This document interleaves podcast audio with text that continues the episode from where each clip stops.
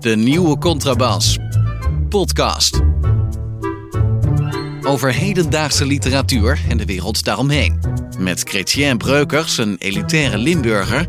En Hans van Willigenburg, zomaar een Zuid-Hollander. 32 loopt. Ja, hallo Hans. Hoe is het jongen? Lang niet gezien. Uh, ja, je- zoals je weet zit ik in Gent, hè? Ja, maar ik zie, ziet er goed uit. Dat heeft je goed gedaan, of niet, Gent? Ja, ja ik, het heeft meer met het licht, met het met enorm spotlight achter mij te maken dan met Gent, volgens Je mij. zit in een Maar- solarium of zoiets. Van waar ben je eigenlijk? Eh, Ja, het, is, het is een hele kracht, het is een krachtige lichtbron achter mij. Laten we het daarop fantastisch. houden. Fantastisch, het licht. Mooi, mooi.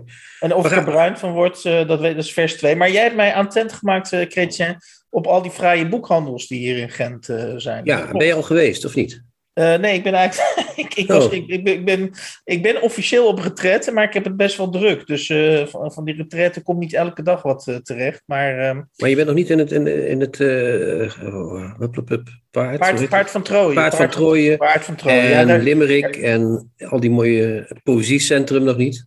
Ik had een afspraak voor de Paard van Troje, maar het Paard van Troje was toen dicht. Het was al na, na, na, na de winkeltijd. Oh, Dus, jammer. eh, Ja, ik heb wel, de, ik heb wel de, de etalage van het Paard van Troje gezien. ja heel mooi, heel mooi.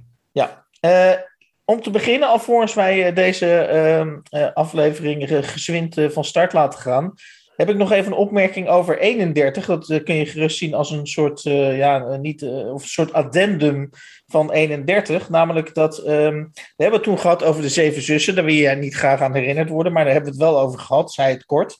En toen kon ik niet op. Michel Krielaars eh, heb ik toen eh, geciteerd. Namelijk, hij heeft een recensie geschreven over, over die reeks, of over de eerste deel van die reeks. En toen zei hij dus: eh, eh, De Zeven Zussen zijn dus eigenlijk een compilatie van eh, drie eh, televisieprogramma's. Maar toen wist ik dus die drie televisieprogramma's niet te reproduceren. Dus dat heb ik even opgezocht. Volgens Michel Krielaars is Zeven Zussen, die ontzettend succesvolle serie, dus eh boekenserie van zeven boeken, is een combinatie van spoorloos, Wie is de Mol en Verborgen Verleden. Oké, nou die drie programma's heb ik allebei nog nooit gezien, dus we kunnen daar helaas niet over hebben. Sorry.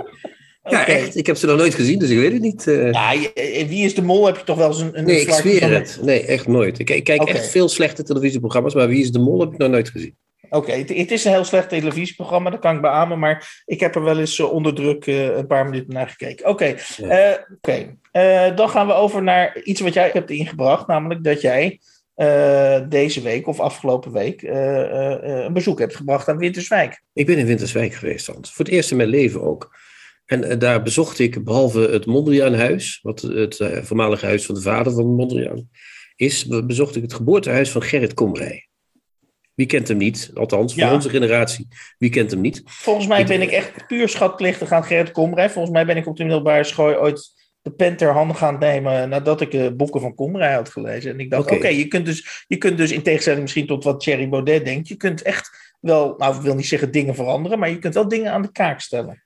Ja, Komrij was altijd wel een figuur, hè, in mijn tijd ook. En ik was zeker lang van hem onder de indruk. Al moet ik, als ik, ja, dat klinkt net alsof je achteraf iemand gaat bagatelliseren. Ik moet zeggen dat ik van zijn werk nu tegenwoordig minder gek ben dan ik misschien eh, toen ik 16, 17 was. eh, was. Toen je ontvankelijk was. Toen ik nog zo ontvankelijk was. Ik ben meer door Brouwers beïnvloed, denk ik, dan door Komrij.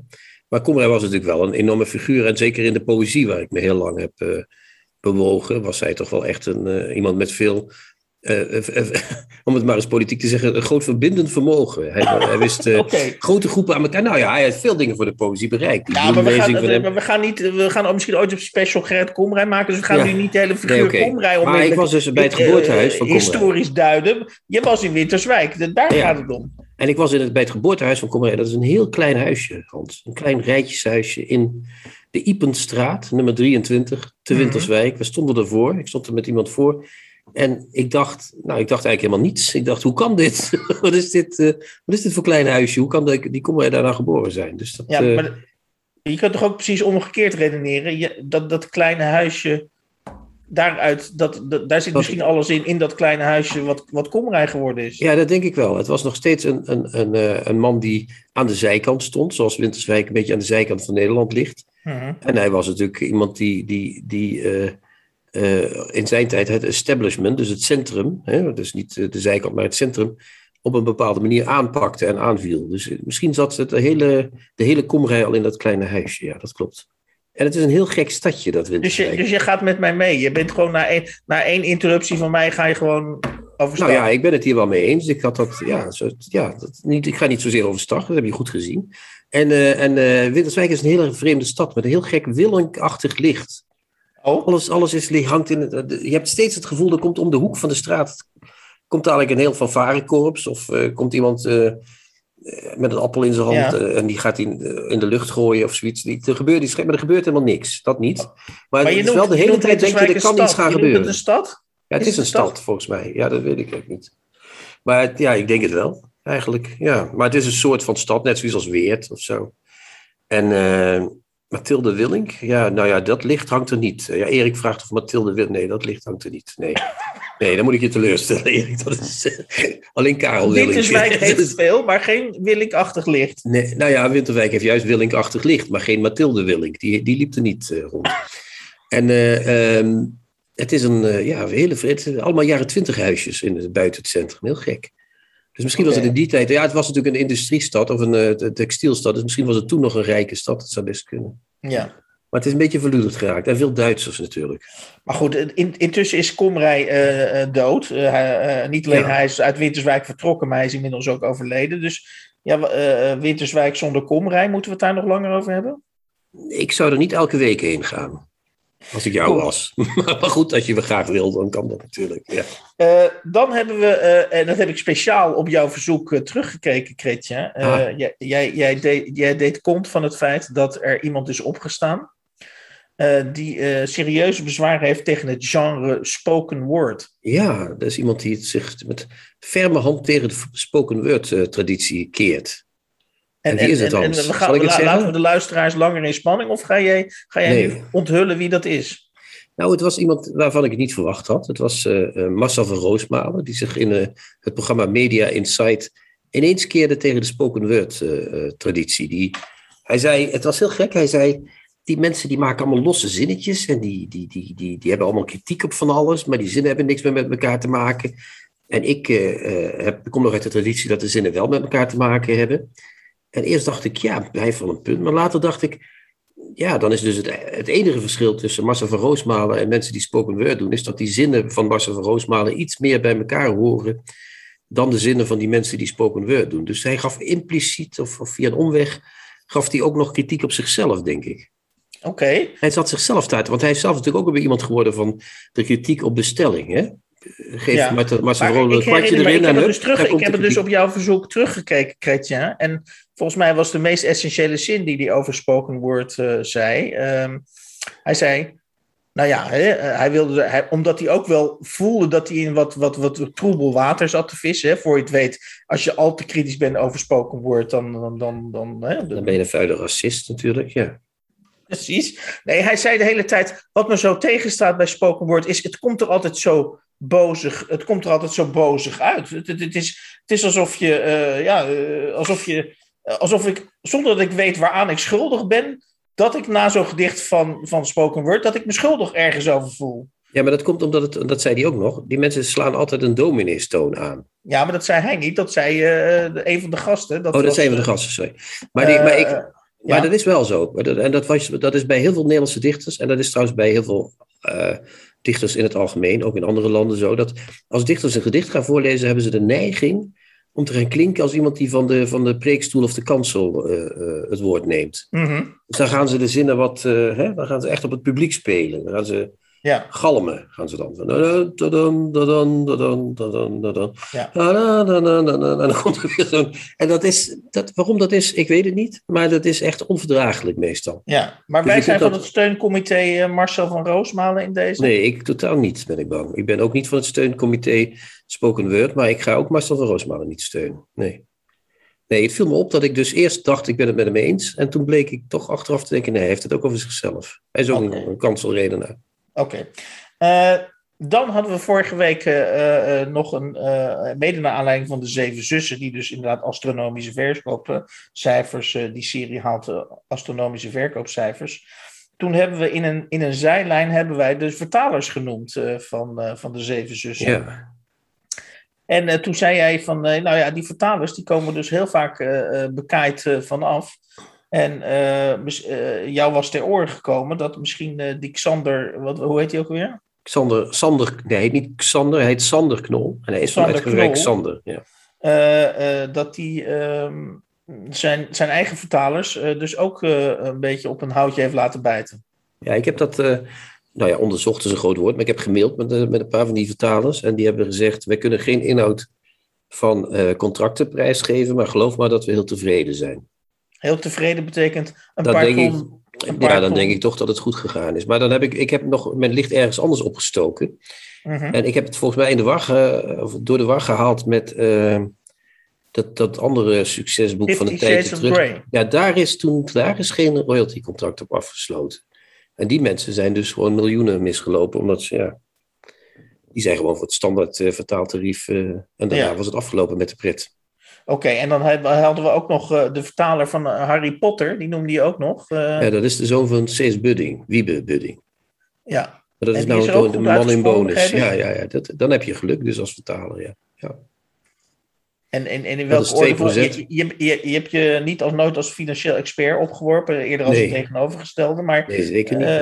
Wat, wat, wat denk jij dat hij, dat hij overgehouden heeft aan eh, de vertalingen van Harry Potter? Nou ja, dat kun je uitrekenen als je het aantal verkochte exemplaren weet, maal 2% van de royalties. Dus eh, dat is een kwestie van, eh, Oké. ja, Maar wat is het Hoeveel dan? Harry, 10, Potters, hoeveel Harry Potters zijn er 40 cent per boek, maal als het een miljoen is, is 40, dan is het al 4 ton. Dus nou, dan kom je aardig. dat, dat is meer dan het standaard vertaaltarief in ieder geval. Goed, dus verta- vertalers, vertalers aller landen. Eh, er is hoop. Mits je maar het, eh, nou, als je maar een bestseller eh, vertaalt, dan kom je al als een je maar het aardig juiste boek eh, ja. vertaalt, dan, eh, Voor de rest is het toch altijd op een houtje bij, daar ben ik bang. Ja. dan kan de hemel eh opensplijten. Dan wel. Eh, ja. Ja. Eh, tot slot, eh, dat is wel echt een, eh, een, een belangrijke zaak. Eh, ik kreeg toch wel verschillende luisterreacties naar aanleiding van het onderwerp met uh, Abdelkader Benali over de Neerlandistiek en over Oh. eh, de, de jeugd die, eh, waar jij je niet zo druk over maakt, of ze wel of nog niet lezen. Mhm. En er waren verschillende, van verschillende kanten kreeg ik te horen dat we toch wel erg ouderwets waren, want tegenwoordig heb je, let op, BookTok. Ja, ik, heb, ik, heb, ik weet niet precies wat dat is, als ik eerlijk moet zijn. Maar ik heb wel een stukje op jouw aanraden gekeken van een jongen die eh, met Kluun in gesprek was bij de, eh, bij de talkshow. Sophie gaat Ja, met- Khalid en die jongen had, die zei dat hij een boek van Kluun had gelezen, dat hij het heel moeilijk vond. Of zoiets, toch? Hè? Ja. Dat heb ik toch, ik vat het toch goed samen. En, eh, dat hij, maar dat Kluun toch soms ook wel grappig was. En dat redde hem nog net. En Kluun zat erbij en die was daar heel blij mee met die Ja. opmerking. En dat vond ik wel heel gênant. Dat de schrijver zich dus tegenwoordig eh, moet laten vertellen hoe het eh, in die boeken van hem eraan toe gaat. Maar wat die mensen dus op dat boektok doen, weet jij dat? Wat dat is? Wat is Nou dat? ja, zijn filmpjes, eh, hè? Zo, of zoiets, of niet? Wat ze doen is dat ze eh, ergens enthousiast over zijn. Ze zijn enthousiast jongeren eh, die dus op TikTok zitten en dus ook op de, op de boekafdeling van TikTok, genaamd BookTok. Oh, en is die- dat het? Oké. En die delen filmpjes. Eh, ja, het is wel grappig dat ik nu jou aan TikTok aan ga uitleggen alsof ik zelf, maar ik, ik weet zelf amper wat TikTok is. Ik weet alleen de rudimentaire eh, eh, zeg maar, eh, gegevens. Ja. Eh, ehm, eh, is dat, je, dat jongeren, als ze iets gelezen hebben, dat gaan vertellen aan andere jongeren. Dus in een filmpje van één minuut te zeggen van nou, dit is een geweldig boek, daar en daar en daarom. En dat en dat maak je mee, zo en zo. En wat volgens mij natuurlijk eh, ehm, de essentie is, is dat ze geen analyse loslaten over wat ze geschreven hebben. Sterker nog, eh, een aantal lezers zeggen op BookTok, ik lees niet om erover na te denken. Dus er, wordt expliciet gezegd dat, dat, dat, dat boeken niet zijn om over na te denken. Maar wat zij, belangrijk woord in dit verband, wat zij ervaren hebben tijdens het lezen van dat boek. Dus lezen als, en dat zeg ik echt niet eh, eh, negatief, maar het klinkt wel een beetje zo. Lezen dus als amusement. Dat is het. dat geeft niet. Ik bedoel, ik ben niet, ben niet tegen, maar wat, wat, wat willen we daarmee, Hans? Moeten Ja, wij er ook iets ja. mee of zo? Of, eh? Nou ja, kijk, het, het, het, het idee is dus dat die mensen die gereageerd hebben op onze podcast, die zeggen van, eh, als jij wil dat jongeren gaan lezen en je vindt dat belangrijk, En dan ik wil helemaal niet dat jongeren als- gaan lezen. En dan kun je een verschijnsel als BookTok niet zomaar negeren. Want dat zijn dus, dat zijn dus de plekken waar jongeren, eh, waar jongeren hun leeservaringen delen. Ja, sorry, En- maar ik, ik zie het nog. Ik, waarom moeten die jongeren gaan wat anders doen, joh? Ga lekker uh, in discotheken rondhangen en elkaar aflebberen. Maar laat mij met rust met je boeken. Toch?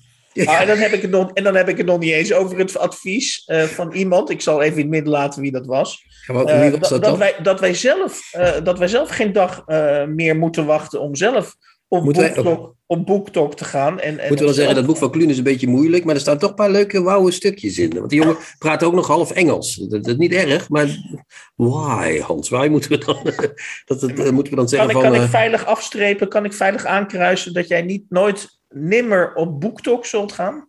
Nou, ik zal niet zeggen dat ik nimmer op BookTok zal gaan. Ik wil nu wel eens weten wat het is. Dus kun je, moet je je daarvoor... dit is echt een boomervraag. Moet je je daarvoor aanmelden? Voor ja, dit is meestal, hè. Dus dit, dit, is echt alsof mijn moeder... Facebook aanmeldt, moet je je ook bij BookTok aanmelden. dit is net alsof je mijn moeder uitlegt hoe een mobiele telefoon werkt. ik voel me ineens heel oud. Ja, heel gek. Maar, ja, maar... Uh, ja, oké, misschien. Maar ik, of ik zelf meteen een programma ga, maar ik word waarschijnlijk ontzettend uitgelachen dan, toch? Of niet? Dat, dat is het gevaar, dat, dat is het risico dat je, dat je moet willen lopen natuurlijk. Zo jongelui. Vandaag weer eens een paar echt leuke boeken behandelen. Tussen al dat gespuis hier. Een boek van Vestdijk bijvoorbeeld. Zoals ik hier dadelijk met eh, Rob van Essen ga doen. Dus ja, nee, en dan, nou nee, ik weet het niet anders. Ja, ik, eerst, ik ga eerst, ik beloof je, daar komen we terug volgende week, dat ik op BookTok, ik vind het ook net alsof je, dan ga je, alsof het een enge ziekte is, of een soort vies drankje, BookTok. Heb je je BookTok al ingenomen vandaag? Maar dat ik uh, daar ga kijken en dan weet ik waar ik het over heb en dan gaan we verder. Jongen, jongen, jongen. Nou, op, op naar de echte boeken, Hans. Tips van de week. Boeken, artikelen of pamfletten die boven het maaiveld uitsteken. Onze brievenbus van, uh, van de nieuwe Contrabas podcast die blijft natuurlijk uh, uh, ongelooflijk klepperen. kan die brievenbus van jou daartegen trouwens, Christian? Nou, soms niet, want dan komen er per dag meer boeken en dan krijg je een vinnig briefje van de postbode. Dan, krijg ik, dan hangt er echt een briefje aan mijn brievenbus, bus leegmaken. Oké. serieus. en dan denk ik, ja maar als jij er niet zoveel in doet, hoef ik hem niet leeg te maken. Dat is, dat is een beetje... Dus wij hebben nu een hele correspondentie met die man. Dat is echt een enorm gedoe. Maar, okay. uh, maar ja, dat is dus, hij kan het soms niet aan, Nederland. Maar nee. dat komt ook omdat uh, sommige bedrijven pakken in hele grote enveloppen dat in. En dan moet hij dat echt helemaal er doorheen. Ja. Verschrikkelijk, ja. Oké, okay, dus laten we dat maar als, een succes, als het succesverhaal van onze podcast beschouwen. Dat er boze postbodes rondlopen. Ja. Um, we hebben nu in, in die enorme zee van boeken hebben we nu er eentje uitgepikt. Uh, uh, en dat is het boek van Kees het Hart, onlangs verschenen. En dat heeft als titel Victorine, ik hou van je. Ja, ja, ja. En voor, als inleiding wil ik even zeggen dat voor mij was dit de eerste kennismaking met Kees het Hart. Foei, foei, foei misschien. Maar ik had dus nooit iets van Kees het Hart gelezen. En jij, Kretje, jij bent echt een veteraan op het gebied van Kees het Hart, begrijp ik. Ja, ik ben een veteraan. Ik ben zelfs een van de oprichters van de Kees het Hart fanclub geweest ooit in 1986, uh, 96, sorry, nu ben ik iets aan het overdrijven. Samen met Arie Storm, Josje Kramer, Joris van Groningen, mijn overleden vriend. En ik geloof René Huigen. waren wij de eerste Nederlandse Kees, eerste en enige, mag ik nu wel zeggen, Nederlandse Kees het Hart fanclub. We hebben zelfs een fanclub magazine blad uitgegeven, magazine, sorry, uitgegeven. Ja. Een collectors item, mag ik wel zeggen. Het wordt nu grof opgeboden. En dus ik ken hem al lang. Ik ken eigenlijk zijn hele werk op een enkel boek na. En zeker het beginwerk, Vitrines, Land van Genade, De Neus van Pinocchio. Dat zijn boeken die ik nu nog steeds, nou okay. niet van buiten ken, maar waar ik graag in blader. Dus, ja. dus van enige onbevangenheid was, was geen sprake meer toen je dit... Nee, ik ben volledig bevooroordeeld. Dat is een ding wat zeker is. Oké. Okay. Nou, dus, dus, we kunnen misschien eens voorzichtig met jou beginnen, want wat is een verhaal? Ja, laten we inderdaad maar dan met één. Nou, ja, want ik heb dus het is een verhalenbundel waarin Kees het Hart, en dat weet jij niet omdat je nog nooit iets van hem gelezen hebt, of voel uh, hij al zijn obsessies uh, uh, nog een keer doorneemt in verhaalvorm. En dat is, je zou echt kunnen zeggen, als je zijn andere werk kent, dat is zijn hele oeuvre in, in een soort vogelvlucht. Wat vond je ervan? Hoe, hoe, hoe ervaar je... Je geeft, al bijna, je geeft bijna de climax al weg, namelijk dat het dus een samenvatting is van, uh, van zijn oeuvre. Ja, van, van samenvatting van zijn... Ja, zelf. Nee, ik ga jou uitleggen, ik ga jou proberen uit te leggen wat ik... Uh, en, en dat is, dit ligt dan misschien meer in het verlengde van BookTok. Nou, sorry dat ik die naam nog even erin gooi. Dat ik probeer uit te leggen wat ik ervaren heb. Hè? Dus zonder het boek uit te leggen, maar wat ik ervaren heb bij, bij Kees het Hart. Uh, ik kende namelijk Kees het Hart alleen als criticus. En als criticus vond ik hem tot dan totdat ik dit boek ging lezen, vond ik hem als criticus nogal parmantig. Dat was uh, zo'n zo'n zo'n stem die dan uh, schrijvers ging uitleggen van ja, maar ja, dat is de proza. Er mist iets raars of iets geks en literatuur moet dat hebben. En omdat er niks geks in dit boek staat, vind ik het een, een slecht boek. Hè? Dus, dus ja. hij legde al die, al die boeken na, naast die meetlat. En kwam dan tot tamelijk harde oordelen. En ik dacht eigenlijk, wat een. Wat een en, en, en vrij zelf, ook met een soort vrij zelfverzekerde toon. Dat ik dacht, nou, dat lijkt me geen aardige man, uh, die Kees het Hart. Uh, uh, en toen ben ik dus dit boek gaan lezen vanuit dat beeld. En ik moet heel eerlijk zeggen dat ik dus, ja, ik ben gedraaid in die zin dat ik door dit boek zeker meer van Kees het Hart ben gaan houden. En misschien zelfs een heel klein beetje verliefd ben geworden op Kees het Hart. Ja. En die verliefdheid die uit zich in? Oh, oh je bedoelt, je bedoelt uit, uitwendige verschijnselen die je. ja, nou ja, nee, nee, je hoeft niet. Ik ga er niet vanuit. Ja, dat weet ik niet trouwens. Dus wel, wil, wil, je eigenlijk liever met Kees zoenen? Of wat, uh, wat gaan we hier nu krijgen? Wat is er aan de hand? Uh, nee, kijk. Nee, wat, wat, ik, wat ik leuk vond aan, Kees, of aan, het, aan dit hele boek. Is dat uh, waar een normaal, en, en, dat zal jij dan misschien herkennen, maar waar een normaal mens ophoudt of denkt: dit wordt er mij te ingewikkeld of te lastig of ik vind het niet interessant meer, daar gaat Kees het hart door. En, ja. en, en, en dat, vond ik heel, dat vond ik heel indrukwekkend. Dus uh, even de, om de titel te verklaren: uh, Victorine, ik hou van je. Dat, was dan, dat heeft hij ooit op een. wat is het? Op een viaduct, denk ik. Op de Waalbrug stond dat, op de onder, onderboog van de Waalbrug stond ja. Victorine, ik hou van je een enorme koeienletters. Ik, ik, toen ik net studeerde stonden die letters er nog, dus ik weet dat nog dat dat daar stond. Ja. Ik denk te weten dat dat nog stond, of ik heb dat door het verhaal ingebeeld, dat weet ik niet. Maar ik heb het sterke idee dat ik die letters ooit heb zien staan. En uh, dat, dat was een soort, ja, dat, je vroeg je altijd af wie heeft het daar, hoe, hoe is dat daar in hemelsnaam onder ja. die boog terechtgekomen? Dat, en dat is voor hem natuurlijk ook een aanleiding geweest om daarover ja. te, schrijven, om over te en, schrijven. En om even naar, om dat op mezelf te projecteren. Ik zie natuurlijk ook wel eens op viaducten of in toiletten of op andere rare plaatsen zie je, zie je rare teksten staan. Uh, en dan vraag je inderdaad zeg maar tien seconden af, ja, wie heeft dat erop geschreven en met welk motief. Maar ja. dan, dan word je weer door, ga je weer door in, in, je dagelijkse, uh, in je dagelijkse routines. Maar dat doet Kees het hart dus niet. Maar hij woonde in Nijmegen, hè? Dus dat ja, is hij woonde in Nijmegen. Dus hij, hij, hij, zag het dagelijks bij wijze van Ja, ja. Hij zegt ook iets heel leuks over Nijmegen trouwens. Uh, ik zag het staan op een maandagavond in juli in 1980. De avond voor het begin van de Nijmeegse Vierdaagse. Toen ik met mijn broer aan de Waalkade tussen honderden vier, Vierdaagse feestneuzen belandde. Ik wilde helemaal niet met hem mee, maar hij vertelde dat het aan de kade enorm gezellig was. En dat klopte. En uh, dan zegt hij ook nog, ik vond het gênant. Je loopt als Nijmegenaar of bewoner van Nijmegen of ex-bewoner niet de Vierdaagse meer. Dat doe je niet. Je maakt je belachelijk. Het is vernederend. Ja. Uh, de Vierdaagse is iets voor niet-Nijmegenaren. Ja, dat vind ik ook prachtig. Dat hij die, ja. dat die ene gebeurtenis meteen weet uit tot een hele schets van hoe Nijmegen is en hoe je je dan dient te gedragen als je daar woont. Ja, ja, ja vond ik, ja, nee. Ja, dat is toch wel meteen het, het, het mooie schrijven wat daar gebeurt, toch of niet? Ja, en, ik, en, ik, en wat, wat, ik, wat ik mooi vind, uh, en misschien is dat ook wel een, een, een, een, dat is misschien toch meer een uitleg dan een ervaring. Ik vind dat hij inderdaad ook echt schrijft als een criticus. Uh, want hij, hij is dus eigenlijk in dat, bijna in, steeds in dat boek ook aan het reflecteren op het schrijven, op het schrijven zelf. Ja. Uh, en dat komt het, me, het mooiste tot uitdrukking in dat verhaal De Lezing. Oh ja, uh, waarin, die, waarin, die, waarin die dus eindeloos, en dat vind ik echt fantastisch, uh, zich voorbereidt op een lezing en zich een voorstelling maakt, en zich een voorstelling maakt van wat hij met dat publiek wil gaan doen. Hij wil ze natuurlijk verrassen en hij wil sympathiek gevonden worden. En hij dus die hele, dat verhaal van die lezing dus steeds aanzetjes geeft en dan aan het eind steeds zegt nee. Nee, daar gaat de nee, daar gaan we niet zo op reageren. Dus ja. dat, dat, laat ik maar, dat laat ik maar weg. En uiteindelijk heeft hij dus uh, uiteindelijk 30 of 40 pagina's. Uh, vult hij dus met allerlei opzetjes die hij uiteindelijk uh, dan grotendeels weer weggooit.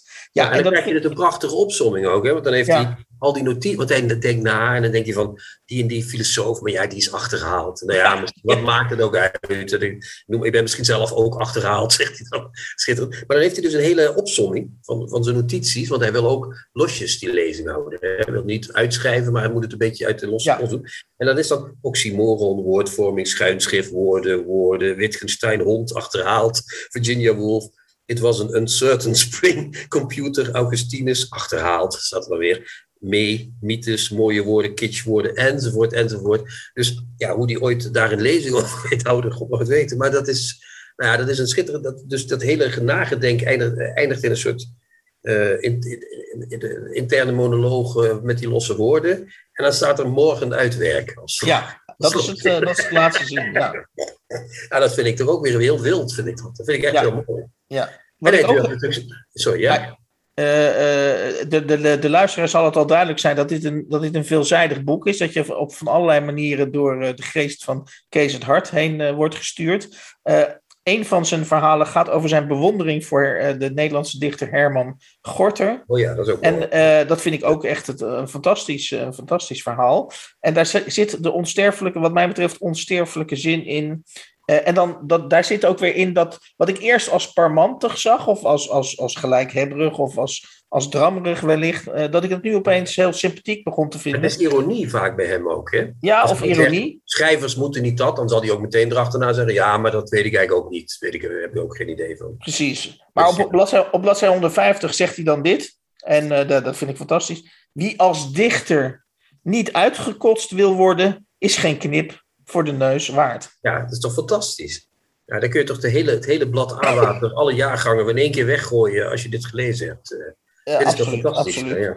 Hij begint en dan, heb ik, en dan heb ik nog een citaat uh, op, plaats, uh, op bladzij 195. Ja. Uh, dat gaat over, volgens mij, is een heel lang verhaal over een halfzusje waar die. oh, maar dat is ook prachtig. Dat is mijn favoriete verhaal. Oké. Okay. En dan kom ik dus terug op wat ik in het begin zei, dat hij namelijk als criticus steeds verlangt naar, uh, naar, naar rare en gek, wat hij dan raar en gek noemt, of, of dingen waar je over moet nadenken of waar je over struikelt. Want als het te gladjes wordt bij Kees van het Hart, dan weet je, dan heb je als criticus tegen je. Ja. En op een gegeven moment dacht ik bij bladzijde 195, oh, hij bedoelt dit waarschijnlijk met raar en gek. En uh, ik ga dat even voorlezen, ik doe even mijn bril af, anders kan ik dat niet goed lezen. Uh, hij heeft het dus over dat, dat halfzusje. Haar huis was belachelijk groot. Er hingen in de gangen verschillende klokken die ik niet allemaal bekeek. En dan komt die wezenlijke zin. Ik voelde mezelf een klok. Ja, dat is echt geweldig.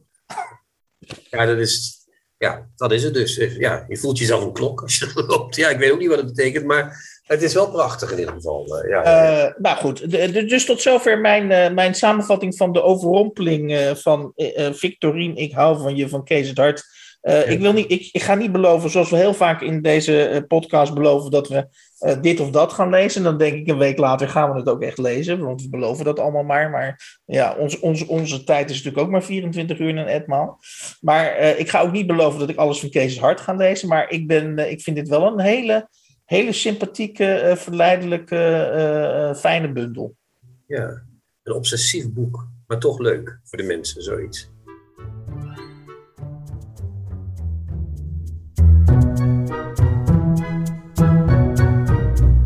De nieuwe Contrabas. Podcast. We zijn hier uh, bij elkaar, Rob van en ik, in dezelfde kamer vandaag zelfs. Om onze kweesten in het oeuvre van Simon Vestdek voor te zetten. We hebben gelezen een Alpenroman. Geschreven in 1960, gepubliceerd in 1961 en onlangs heruitgegeven door uitgeverij Kleine Uil. Een dappere uh, initiatief om het boek van Vestdek uh, opnieuw uit te geven, dus alle lof. Um, uh, dit boek, een Alpenroman, is een, uh, als je dat zou kunnen zeggen, bij 52 romans atypische Vestdijk, omdat het om te beginnen heel losjes geschreven is. Dat is één. En ten tweede heeft hij ook een heel apart onderwerp uh, bij de kladden genomen. Hij, het is een Alpenroman in de zin van dat iemand op vakantie gaat, met vakantie gaat in de Alpen, maar daar ook een liefdesrelatie met een, een, een vrouw, krijgt daar een liefdesrelatie met een andere vrouw, en wel de kelnerin in het hotel waar ze is. Ja, Dat is in het heel kort het geraamte van het boek. Ze gaat alleen niet op vakantie. Ze, Ze wordt gaat- er naartoe gebracht door haar man omdat ze een hartkwaal zou, Ze, zou op, op hebben. herstel gaat ze, sorry. Ja, Ja, ze gaat herstellen in een eh, hotel in de, in de Duitse Alpen. En daar eh, wordt de kelnerin verliefd op haar en zij uiteindelijk ook op de kelnerin. Ja, dat is één. Haar man brengt haar weg, want ze heeft een hartkwaal. Hè? Ze, is, ze is zwak. Ja. Eh, dan wordt ze daar verliefd op die Anna. Zij, de hoofdpersoon is Lucie. Die wordt verliefd op Anna, de kelnerin. Eh, dan eh, denk je, dat is al heel wat voor Versdijk. Hè? Twee vrouwen die verliefd worden op elkaar. Maar eh, het, het, het krijgt een beetje van een, het krijgt een beetje slapstick eh, elementen. Als je ja, dat zo het is bijna een soort blijspel. want Anna heeft een schoonzoon. Uh, Anna is dan in begin 40 en ze heeft een volwassen dochter en een volwassen schoonzoon dus ook. En die komt in zijn eentje naar het hotel vanuit Nederland om te vertellen dat hij haar eigenlijk begeert. Zoals Ja. het, uh, Ja, zelfs meer dan omdat hij eigenlijk die dochter alleen maar heeft omdat hij haar begeert. Ja. Ja. En dan komt Anna ook nog eh, een oude vlam van haar tegen, een Duitse huisarts. Dr. daar- Pon. Dr. Pon, die daar toevallig eh, ook, eh, München. Ook rondloopt. En die begeert Ja. haar ook nog Die, steeds, die zeg begeert haar ook nog steeds. Die kan Dus- eigenlijk ook niet zonder haar. En dan zijn er ook nog eh, Twee mannen. twee bergbeklimmers die in het hotel aanwezig zijn. Prachtige namen, Müller en Kuhlman. Ja, Müller en Kuhlman. Dat zou zo een Duitse uitgeverij kunnen zijn ook. Maar dit zijn eh, twee, een soort, eh, zoals jij zei, een soort Jansen en Jansens. Ja, van, van kuifje. Ja, Zo'n die twee. Een Ja. komisch intermezzo. Die zijn ook heel erg verliefd op haar. En zo, zo gebeurt er dus van alles met al die mensen. En die Anna, die uh, kelnerin waar ze verliefd op is, die is dan voorbestemd om te trouwen met een zekere Moderekker. Die woont Ook in een Duitse uitgeverij. Moderekker. Die woont in een hutje. Ja. Zo- Zo'n zo'n hutje waar wandelaars eh, versnaperingen en verfrissingen kunnen krijgen. Heeft daar eh, vage relaties met twee vrij jonge jongens. Ja, er wordt een beetje gesuggereerd is- dat het een pederast ja, is. Ook, ja, het is dus, kortom, eh, In de kast, uit de kast. Is Ja. het, hè? Het is ook voortdurend types die daar rondlopen. Ja. Maar iedereen begeert iedereen in deze roman, begrijp ik. Nou, vooral die vrouw, die wordt wel Ja. het meest begeerd. die vrouw wordt Ja. eigenlijk door iedereen begeerd. Behalve door haar eh, echtgenoot. Die brengt haar weg naar het hotel. En die kan het eigenlijk verder weinig donderen wat daar gebeurt. Ja, die wordt Als door- hij maar, ja, die als wordt- hij maar met rust wordt gelaten. Ja, Dat is precies. ook- Die hij is wat gaat- ouder ook. Hè? Wat, wat, ja, die gaat weer terug naar Nederland. Hij is 20 jaar ouder dan zij. Ja. En Die denkt, die vindt het allemaal maar best. Dus het is dus een komen en gaan. Ehm, dus het, het lijkt inderdaad een soort blijspel. Maar het is ook een hele lichte Vestdijk. ja, Eigenlijk. korte zinnetjes, eh, Ja. grapjes, gebbetjes. Eh, wel af en toe natuurlijk, want we zitten in Vestdijk, suggesties van religie. Hè? Maria-figuur wordt ermee Ja, er, gespeeld. zit allerlei, er zit allerlei vage symboliek in die hij ook niet echt uit, uitwerkt, Nee, volgens mij. nee, want dat meisje is zwanger, bijvoorbeeld denkt zwanger Ja. te zijn op een gegeven moment. Een Ja. soort onbe- onbevlekte ontvangenis. Blijkt toch weer niet zwanger te zijn. Eh, er wordt met de Maria-legende gespeeld, dat die Lucie toch een soort Maria is, die daar verschijnt in dat, in dat dorp. Maar, maar, maar hij werkt het niet echt uit allemaal. Ja, hè? soms, soms legt hij het er wel dik bovenop. Want in het begin, als zij dan nog met haar echtgenoot het stadje binnenrijdt, dan is daar de plaatselijke optocht elke avond van de koeien, die van de Oh, bergweide terug worden gehaald naar het dorp. En dan zie je dus dat ehm, één koe van achteren bestegen wordt door een andere koe. En dat is natuurlijk wel, de eerste pagina is een wat botte symboliek om te wijzen waar het boek dan over gaat, eh, blijkbaar. Ja. Dus het is, ja, zo had ik het nog niet bekeken, maar dat was inderdaad goed. Ja, ja. het is bedoel, hele- dat, is, dat is de reden dat het in de Alpen speelt. Die Nee, dat is, het is niet zoals vroeger in die Duitse films, weet je wel. Als, Rob en ik hadden afgesproken dat we daar niet heen zouden gaan. Nee, het is, het is, niet het mijn is- eh, Alpen Nee, is- eh, et cetera. Nee, nee, het is niet boers of zo. Het is een vrij Nee. losse Vestdijk. Hij heeft, ik denk dat hij wel plezier heeft gehad om het te schrijven. Hij heeft ook ergens gezegd dat hij, hij, Vestdijk ging daar zelf vaak op vakantie. Hij heeft eh, Met, met die huishoudster van hem. met die Toch? huishoudster van hem, hij ging wandelingen maken. Dus dat landschap dat heeft hij ook beschreven zoals het is. En het stikt natuurlijk van landschapsbeschrijvingen, want iedereen wandelt daar ook. Ja, want die moeten elkaar de hele tijd tegenkomen. Ja. Dus die moeten op, op, op weg, zeg maar. Dus, ja. Precies. En Vestdijk is die mensen in het echt tegengekomen, zegt hij, en heeft daarna die roman eh, voor ze verzonnen. Dus het is ook een soort liefdewerk van hem. Dit is duidelijk een heel favoriet landschap voor Een hem. vakantieboek dus eigenlijk. Eigenlijk Ja. is het een vakantieboek. En het, hij heeft het ook in drie maanden tijd geschreven. Het is 400 pagina's. Voor zijn doen is dat, zelfs voor zijn doen is dat vrij vlot. Ja, dat is behoorlijk. Ja. En het is ook eh, grappig, want het heet een Alpenroman. En op een gegeven moment heb je al die verwikkelingen in de Alpen. Verliefdheden, dit en dat, zus en zo. En dan zijn we opeens, het tweede deel, zijn we terug in Nederland. Ja, zij gaat is- weer terug. Zij gaat weer terug. hè. Zonder Anna, hè? Dat Zonder Anna, zonder Ze belooft wel dat ze Anna meeneemt, maar dat gebeurt niet. En dan gaan ze ook weer terug naar Duitsland. Dus het is, je verbaast je, je verveelt je niet. Nee, maar wat, we moeten dan toch nog iets zeggen over dat tweede deel. Want hij heeft dus Ja. dat eerste deel afgerond. Daar, daar broeit en daar suddert het tussen die Anne, Lucie en Anna. Dan denk je, nou, nu komt het. Maar er komt niks. Dus wat die, die twee koeien, het blijft net als die twee Mhm. koeien een vruchteloze verbindenis, als je het zo eh, zou mogen zeggen. Eh, ja, dat is toch zo. Ja, en ja. eh, dan, ehm, in het tweede deel is ze eerst weer terug, maar ze blijft toch verlangen naar die eh, eh, Anna. Wat ook heel mooi is van Vestek, is dat hij het hele schaamtegevoel over die lesbische verhouding, wat in die jaren toch nog wel een rol gespeeld moet hebben, helemaal weg. Ja, zij heeft totaal geen schaamte. Zij denkt, nou, ik ben nu helemaal, dat heb ik nu eenmaal en dat is belangrijk. En ik hou echt van haar. Dus zij weet, zij is heel trots eigenlijk op, dat, op die liefde. Dat is, heel, dat is een mooi aspect, vind ik. Ja, van zeker. En die Anna die neemt het ook als iets vanzelfsprekend Ja, aan. zelfs is- een eenvoudige kelnerin uit, uit, uit, uit, uit, uit dat plaatsje daar, die denkt dat ook. En dan komt ze terug en dan, dan ja, dan, volgens mij gaat Vestek dan iets te veel zakdoek uit de mouw trekken, toch? Of niet? eh? Hoe bedoel je? Nou, dan gaat ze dus, dan gaat hij terug. En dan komen ze elkaar weer tegen. En dan zijn ze weer verliefd op elkaar. En dan komt het uiteindelijk ook tot een nacht, dat ze een nacht Ah ja, bij elkaar als- doorbrengen. Als ze weer terug in En Duitsland dan denk je, ja. nou, oké, fijn. En dan ineens krijgt Anna iets en dan zit Anna ineens bij de nonnetjes. Dan is ze ineens weg. Nou ja, het is niet zozeer Tweede zakdoek. Het is tweede zaak. Het is meer de omgeving van Anna die dan. eh, Anna Gaat- die twijfelt, want die is. Die gaat naar de pastoor. Die gaat naar de pastoor en die zorgt woesh, meteen wordt ze weggevoerd naar de nonnen en kan Lucie niet meer eh, niet bij haar. Dat is wel een hele komen. mooie scène. Dan zit er een prachtige scène dat Lucie naar het klooster loopt en dan om het klooster heen loopt en door een vriendelijke moeder overste niet wordt binnengelaten. En eh, dat zou een prachtige laatste scène zijn van het boek eigenlijk. Eh, zoals? Vestdijk wel vaker heel goed een boek kan eindigen. Maar dan gaat hij hier nog iets verder en geeft hij het boek toch een happy end. En dat is de derde zak. Dat is Ja. één zakdoek te veel, denk ik dan, of niet? Ja, maar ik denk dat eh Vestdijk eh, gewoon te veel of heel veel van die personages heeft gehouden. En dacht, oh, wat kan het Had donderen? die Ik meisjes geef, nou, ik geef ja. ze. Ik, nou, nou, Gaat die meisjes bij elkaar, toch? Ja, toch? Nou nee, het zijn geen meisjes. Het zijn, Vrouwen. het zijn sorry, vrouwen. dat is mijn dat, is eigen- nou- dat is het mooie niet. van Vestdijk. In dit geval, hij beschrijft schoon als Een goede relatie. een goede relatie tussen twee vrouwen. En wat hij ook mooi beschrijft, en dat is bijna polyamorie, heet dat tegenwoordig. Zij gaat dus waarschijnlijk met die Lucie naar Nederland. En dan die man die blijft lekker thuis. Die gaat lekker naar Brussel en zo. Dan gaat hij allemaal in. Die Die is, het die is papierfabrikant. Dus die heeft ook een leuk leven, want die is van die Lucie af, min of meer. Althans, dat, het, het, het Mhm. staat nog overeind natuurlijk. Mhm. Maar, en, en, en Lucie heeft wat te doen, want die heeft daar grote liefde. Want eigenlijk is iedereen gelukkig. Iedereen is gelukkig ja. het eind. En Ik moest een beetje denken, vreemd genoeg, aan pastorale 1943. Ja, hoe, waarom eigenlijk? Eh, Ja. Om twee dingen. Eh, Lucie eh, en die hoofdpersoon uit pastorale, wie, wiens naam ik nu even kwijt ben. Je bedoelt die man, die Duitser? Die Nee, Duitse nee. leraar? Of Ja, die, ja, die Duitse leraar, die Eh, halve? Duitser. Nee. eh, Nee, maar goed, die hoofdpersoon en Lucie hebben allebei eenzelfde soort wat afstandelijk ironische kijk op de wereld, waar je ook Vestdijk zelf een beetje in herkent. Een beetje quasi-superieur, eh, vriendelijk. Eh, Ze denken En- steeds alles te doorzien. dus ze denken alles te doorzien. Ja. Ze houden zich een beetje afzijdig tot de wereld naar hen toe komt en ze moeten handelen. Ja, En allebei die boeken hebben een vreemd eh, happy end.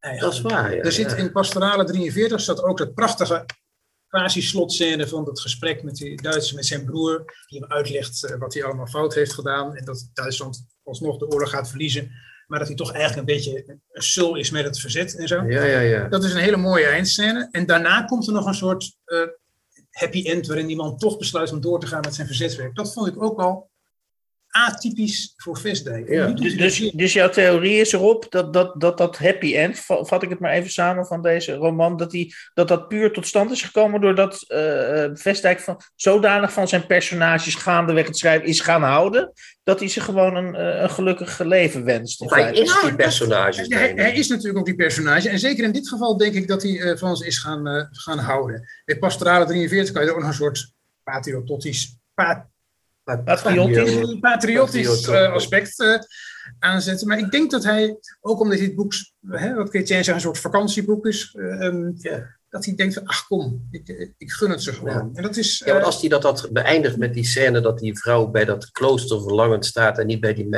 bij, eh, bij de kelnerin kan komen, bij Anna, dan is het echt, eh, eh, ja, dat is hartverscheurend, Ja, zeg maar. en, Ja. bo- en bovendien is dat natuurlijk, dan zou, dan zou hij ook schichten voor de moraal van die tijd. Dan zou hij ze namelijk uit Ja, elkaar uit elkaar halen en dan zou hij ze straffen. ja, dat Nu- is het ook, ja. Nu zet hij natuurlijk gewoon van, nee, we geven ze gewoon een happy end, punt. Vestdijk is ook een beetje tegendraads natuurlijk. Die denkt, ja, maar die, die vrouwen zijn gewoon gelukkig, laat ze lekker. Dat, dat is het natuurlijk, ja. Dat is het. Dat is Ja, dus vanuit 2021 geredeneerd heeft Vestdijk dat heel goed gedaan. Ik denk dat Vestdijk sowieso, en dat is ook nog een aspect wat we niet eerder op die manier besproken. Vestdijk is een niet-moralistische schrijver. Hij is niet iemand die eh, de mensen de, de maat neemt Ja. over hun manier waarop ze hun leven willen inrichten of eh, de voorkeuren die ze hebben.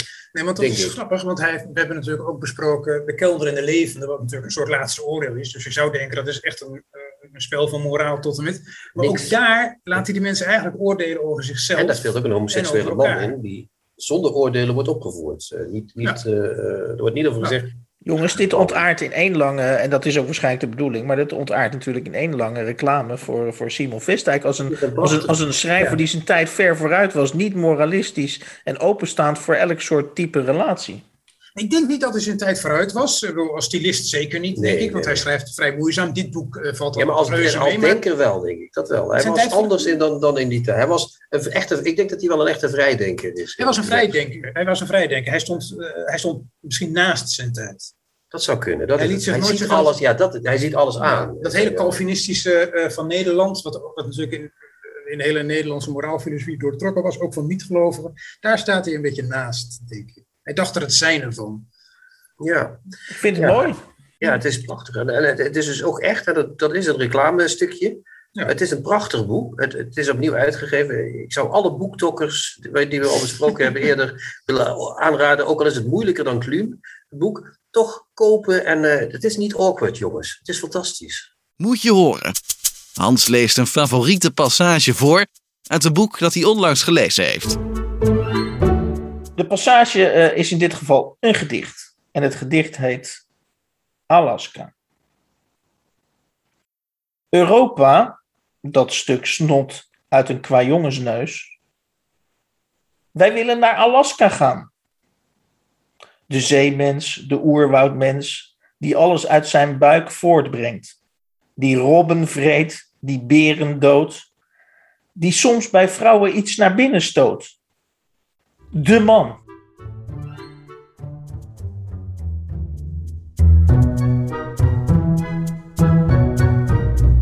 De nieuwe Contrabas. Podcast.